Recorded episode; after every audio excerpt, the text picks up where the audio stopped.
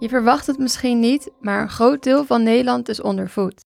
En dit is vooral een probleem bij ouderen en het is niet altijd te zien vanaf de buitenkant. Zelfs iemand met obesitas kan nog ondervoed zijn. Onderzoekers aan de Hogeschool in Holland werken aan een project, blind ondervoeding, om ondervoeding bij ouderen vroegtijdig op te sporen en hier iets aan te doen. Dat doen zij vanuit het Center of Expertise Preventie in Zorg en Welzijn.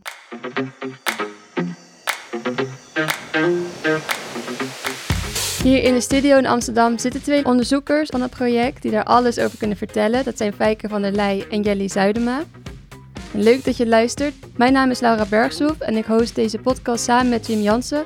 Hij is hoofdredacteur van New Scientist. Laura, je hebt zes zinnen uitgesproken en ik heb nu al zeven vragen. Ouderen, ondervoeding, obesitas. Ik ben heel benieuwd wat jullie allemaal de komende 20 minuten met ons gaan delen. Ja, want Jim, wist jij überhaupt dat het een probleem was in Nederland, ondervoeding? Nee, ik, ik weet veel van ouderen. Mijn moeder is oud, mijn moeder is 87. Ik weet veel Ja. van eenzame ouderen. Ik weet van alle, van ouderen die niet meer kunnen bewegen. Maar laat zeggen, ouderen die enerzijds ondervoed zijn en dan ook nog wellicht obese. Ja, nou precies. Want Fijke, jij bent van oorsprong moleculair bioloog. En kan je dan, ons dan vertellen wat ondervoeding precies is? En hoe kan dat dan inderdaad samen, wat Jim al zei, samengaan met obesitas? Ja, ondervoeding betekent dat je tekort komt aan een van je eh, benodigde voedselcomponenten, nutriënten. Dat kunnen eh, macronutriënten zijn, dus de energieleveranciers, eh, vetten of suikers of eiwitten. Maar het kunnen ook micronutriënten zijn, vitamines of mineralen. Dus een vitamine D tekort is iets wat heel vaak voorkomt bij oudere mensen.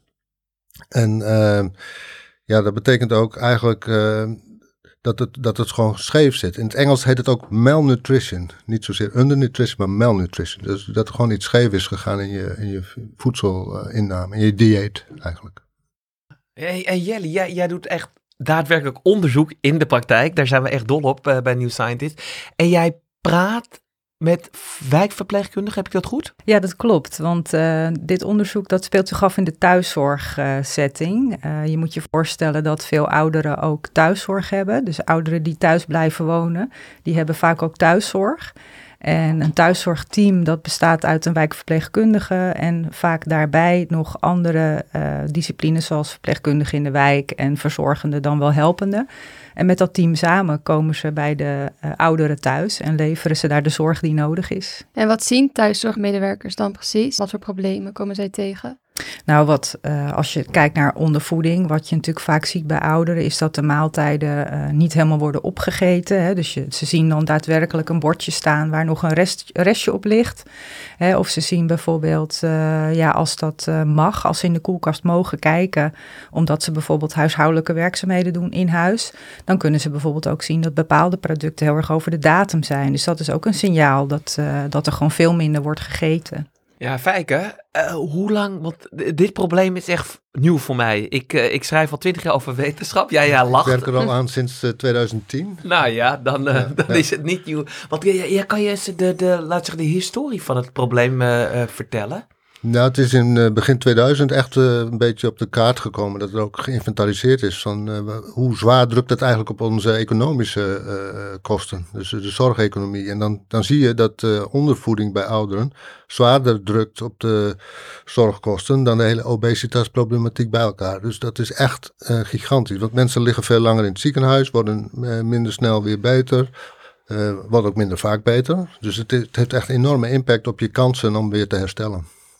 Maar als we het al zo lang weten, wat maakt het dan zo lastig om er iets aan te doen? Omdat het heel erg onbekend is ook. Dus je moet, je moet keer op keer, daarom een, een groot onderdeel van onze missie is om het gewoon ook te vertellen. En, eh, en eh, daarom ben ik ook heel blij met deze eh, podcast, om ook hier weer even te benadrukken dat het gewoon echt een probleem is wat, wat ja, een beetje onder het maaiveld blijft, maar echt wel, wel, wel speelt. Ja, Jelly, de, de, on- het blijft onder het maaiveld. Jij wil dat het boven het maaiveld Zeker. komt. Eh, jij doet er onderzoek naar. Ja, klopt. Ja. Ja. dus in dit geval gaat het speciaal over de rol die de thuiszorg daarin kan spelen. Dus de wijkverpleegkundigen die eh, ja, eigenlijk een signalerende functie hebben al. En hoe eerder je het signaleert bij de ouderen, hoe eerder je er wat aan kan doen. En dan kan je het ook een beetje, ja, hoop je het gewoon zo goed mogelijk te kunnen voorkomen. Ja, en, en voor mijn beeld, eh, je hebt een groep ouderen in Nederland, eh, dat noemen we bijvoorbeeld X. en een deel van die X, die, hebben, eh, eh, die mogen gebruik maken van thuiszorg. Ja, Ja, en op die, op die deelgroep, daar focus je ja klopt. Ja. En- ja, want we, we weten gewoon dat ongeveer eh, ja, toch wel 30 tot 40 procent van die groep, dat die eigenlijk ondervoed is. Wow, dat is echt veel. en dat is echt heel veel.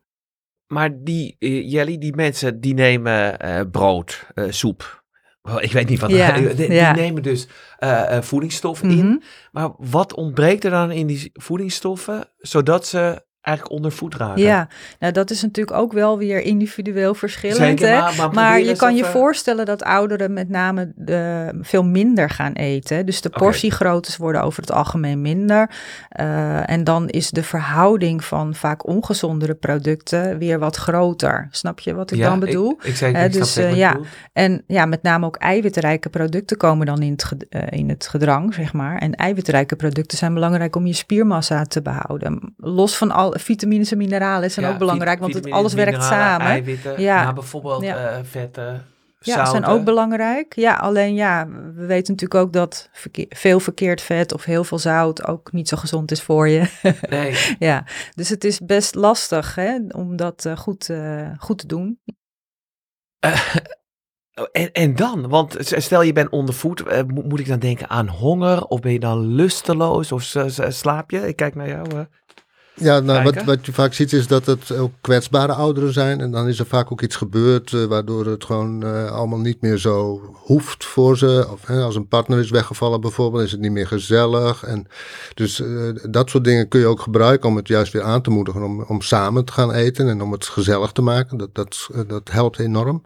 Eh, dus daar zijn we ook mee bezig om gewoon concepten met studenten eh, uit te rollen eh, van verschillende opleidingen. Dus het is echt van zowel HBOV als bijvoorbeeld Food Commerce en Technology, die gewoon nieuwe eiwitrijke tussendoortjes bedenken. En die worden nu ook op de markt gebracht.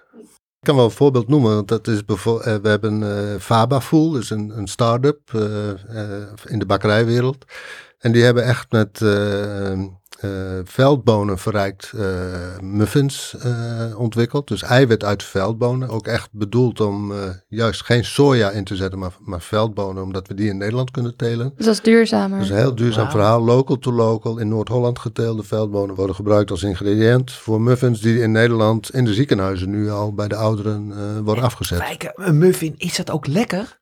Zeker. Ik Super ga, lekker. hem- ik ga hem proeven en ik ga het je vertellen. Hij is en hij is drie smaken. veganistisch. En dat is veganistisch. Ik een Faba voel. Ik vind het wel mooi wat, ehm eh, wat Fijke zegt. Want eh, we, we praten over eten. Maar eten doe je. Ik kijk ook naar jou, Laura. Doe je meestal in een sociale setting. Nou, er is misschien iemand weggevallen. eh, je wordt lusteloos, misschien een beetje somber. Ja, klopt. Die Ja. studenten van jou, hè, hoe pakken die dat aan om, laat zeggen, de gezelligheid terug te krijgen aan tafel? Nou ja, dat is inderdaad een belangrijk aspect. Kijk, eh, ik werk dan nu voornamelijk dus met HBOV-studenten, dus verpleegkundestudenten, die dan samenwerken met de thuiszorg. Hè. Die lopen eigenlijk stage in de thuiszorg en die werken dan samen met die thuiszorgteams aan dit, eh, aan dit project. En dan is het inderdaad heel erg kijken van ja, hoe is de situatie van die ouderen? Wat maakt van die ouderen die in zorg is?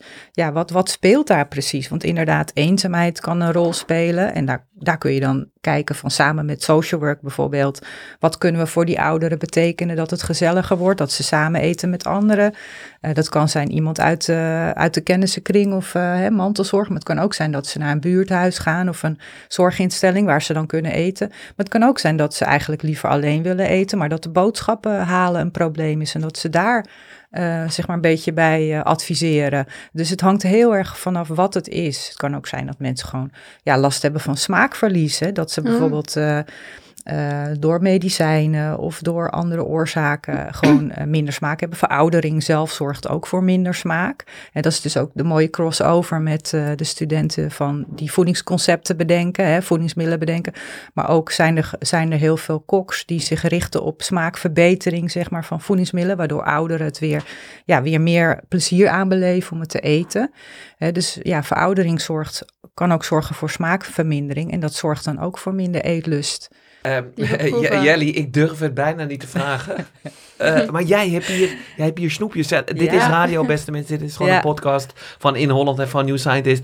Maar jij hebt hier snoepjes voor me. En wat voor snoepjes zijn dit? Nou, die ken je vast wel, dat zijn jelly beans. Ja. Heerlijk. Ja, En uh, wat ik graag met jullie zou willen doen, is jullie laten ervaren hoe het is om minder smaak te hebben. Dus als je veroudert, hè, dan, dan, kan je smaak afnemen.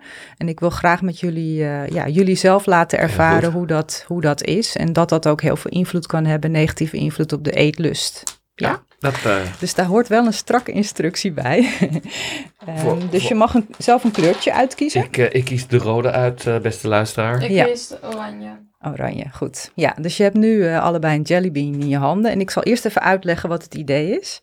Wat je zo meteen doet, is eerst je knijpt je neus dicht.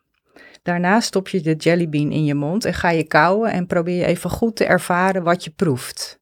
En op mijn teken uh, laat je je neus los en, ga, en haal je even heel diep adem. En dan ga je weer opnieuw ervaren wat je proeft. En dan ben ik heel benieuwd wat jullie uh, daar dan van zeggen.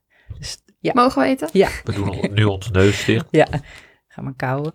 Hoe omschrijf je? Ja, heel saai. Saai. Proef je wat? Ik proef niet zoveel, jongens. Oké, nou laat je neus maar los en haal maar heel diep adem. Ja, wow. Oh, Echt een gigantisch verschil. Ja, er eh, komt een smaakexplosie kijk. Ja, in mijn mond. Bij jou, Lau? ja. Dat is Lekker. een verjongingskuur. Ik ben opeens 30 jaar jonger geworden. Kijk. en wat, Nou. wat kun je omschrijven wat er bij jou gebeurde? Ja, eerst proef, eh, ja, je proeft eigenlijk, je, je, je, je koudt Ja. alsof je een soort uitgekoud kauwgompje. Mhm. Je proeft een beetje iets zoets of zo wel. Ja, een Ja. beetje een substantie. Maar Ja, die fruitsmaak kwam pas later. ja. Wat ja. gebeurt er dan? Ja. Nou, wat er gebeurt is eigenlijk eh, wat, je, wat je proeft als je dus je neus nog dichtgeknepen hebt, is alleen maar wat de smaakpapillen in je mond eh, ervaren. En dan Ja. heb je wel dat zoete, hè, dat proef je wel. En je zegt ook, je hebt een consistentie, hè, dus je zegt Ja. een soort uitgekoud kauwgom. Ja. Ja. ook wel een mooie omschrijving. Ik Ja. hou van metaforen. Ja, ja. Ehm, en pas als je als het ware je, je neusholte erbij voegt, hè, dan komt de aroma's vrij. En dan kun je ook pas echt onderscheid gaan maken tussen bijvoorbeeld aardbeien en kersen. Hè, want zo'n rood, je had gekozen voor rood, waarschijnlijk omdat je dacht, ah, dat is aardbei of zo. Ja. Lekker. En jij dacht, Oranje, nee. sinaasappel, Sinaasappel. of zo. ja. Dus dan ga je pas onderscheid kunnen maken tussen, eh, tussen verschillende producten. En dat is natuurlijk ontzettend belangrijk om te genieten van eten. Als ik het goed begrijp, Fijke, jij zei net... Eigenlijk, er is gewoon nog niet zoveel bekend over dit probleem... en daarom kunnen we het niet oplossen. Maar hoe zorg je dan voor dat thuiszorgmedewerkers er wel meer van weten? Ja, nou ja, dat, daar is dit project natuurlijk één van de voorbeelden van waar we, door, waar we daarmee aan werken. Dus we werken aan awareness binnen de, de thuiszorgteams en de studenten zelf. Hè, die, dat ze daar meer van weten en ook meer tools hebben, meer zich, zich bekwaam voelen en zelfverzekerd voelen om daarmee aan de gang te gaan. Uh, binnen de setting waar ze moeten werken met heel weinig geld, enorme werkdruk. Hè, dus dat, dat is echt wel een spanningsveld. Uh, ja, dat is voor ons de focus, zeg maar. Uh, En we willen ook in het, in het uh, onderwijssysteem zelf die verandering eigenlijk uh, doorvoeren. Dat HBOV'ers al veel eerder in hun opleiding gewoon hiermee uh, in aanraking komen en daarmee bekend zijn. Met onderzoek bedoel je? Nee, met het uh, probleem ondervoeding. Oh, met dus, ondervoeding, ja. Dat ze ook leren hoe ze het ja. kunnen signaleren. Dat je eigenlijk de diëtist voor bent. Want als je de diëtist moet inschakelen, dan is het probleem eigenlijk al aan de hand. Dus je wilt het eigenlijk voor zijn. En de mensen die, die ouderen echt helpen dagelijks met het sokken aantrekken en, en whatever, die, die zien die ouderen, die, die kunnen het signaleren. Ja, en die hebben ook een vertrouwensband met die cliënt en dat is in dit geval ook heel belangrijk. Maar als ik dit even dus samenvat, hè. Dus het is een groot probleem, ondervoeding bij ouderen. Het is gevaarlijk. En thuiszorgmedewerkers kunnen hier dus iets aan doen, want zij zijn, zoals jullie aangaven, close met uh, uh, ouderen. Maar heb je concrete voorbeelden van hoe ja, kunnen zij dat tuurlijk. ondervoeding dan signaleren? Ja, nou ja, signaleren is natuurlijk al, al heel fijn. Dus als je voor het eerst bij een cliënt komt en je gaat in gesprek, hè, om dan beter die voedingssituatie in kaart te brengen, is denk ik heel belangrijk. Hè, dus dan heb je al een beetje een beginsituatie. En uh, daar zijn ook speciale tools voor. Hè, dus uh, hele korte vragenlijstjes waarmee je al heel snel kan zien, nou, is iemand uh, gewoon gezond, qua hè, niet ondervoed, of is iemand, loopt die risico erop, of is is, is iemand al echt ondervoed. Hè, dus er zijn al tools voor. Dus door die te gaan gebruiken, help je uh, thuiszorgmedewerkers om dat uit te voeren in een ontzettend drukke schema. Ja, dus dan moet dat nog even tussendoor aan het begin als je kennis maakt, een vragenlijst om te kijken. Nou ja, ja, precies. Als je in, in die kennismakingssituatie of misschien een uh, fase daarna. Maar en dan natuurlijk monitoren. Hè, dus uh, zorgen dat je daar ook over in gesprek blijft en dat cliënten of ja, dat ze ook snappen wat het uh, idee is. Hè? Dus uh, dat ze zelf ook snappen van als ik heel weinig eet en heel weinig eiwitten eet, dan wordt het een negatieve spiraal. Hè? Dus uh, ja. ja. de ouderen en de mantelzorg daarbij betrekken is heel belangrijk. Stel dat ik echt ondervoed ben, jullie hebben via de thuiszorg mij op de radar gekregen. Is er dan nog wat te doen? Ja, ik bedoel, dan moet je juist het, het heft in handen nemen en zo iemand zorgen dat hij er zo snel mogelijk bovenop komt. En, en dus, Dieet? Nou, in ieder geval uh, bij de geriatrische afdeling van een ziekenhuis waar ik veel mee heb samengewerkt, werd dan s ochtends begonnen met een ei. En werd de soep juist overgeslagen, omdat soep heel veel water is en heel erg vult. En, en, en juist heel weinig uh, voedingsstoffen zijn dol op soep, dat weet ik. dat, is ook, dat is ook prima, als ze, als ze al genoeg binnenkrijgen. Maar als ze niet genoeg binnenkrijgen, moet je daar dus uh, anders op, uh, op sturen. Ja, ja, dus zeg maar thuiszorgteams, dat, die zijn eigenlijk of de, ja, de, de, de spin in het web van de zorg. Hè, die signaleren heel veel. Dus als, ze, als een ouder al onder voet is, ja, dan gaan ze andere disciplines inschakelen die daar wat mee kunnen. En dus in dit geval is een diëtist daar heel belangrijk in. En project Blind ondervoeding loopt dus nog een jaar en is dan aan het eind een soort evaluatie van de resultaten? Ja, Jelly, haar promotieonderzoek uh, is daaromheen uh, georganiseerd. Dus na twee jaar onderzoek binnen Plant kan Jelly dat nog allemaal verwerken tot een uh, proefschrift en, en kijken wat het allemaal heeft uitgehaald. En intussen blijven we ook doorgaan met een stukje fundamenteel onderzoek. We hebben ook bijvoorbeeld AIO's die werken aan onderzoek aan spiermetabolisme, wat er gebeurt als je ouder wordt.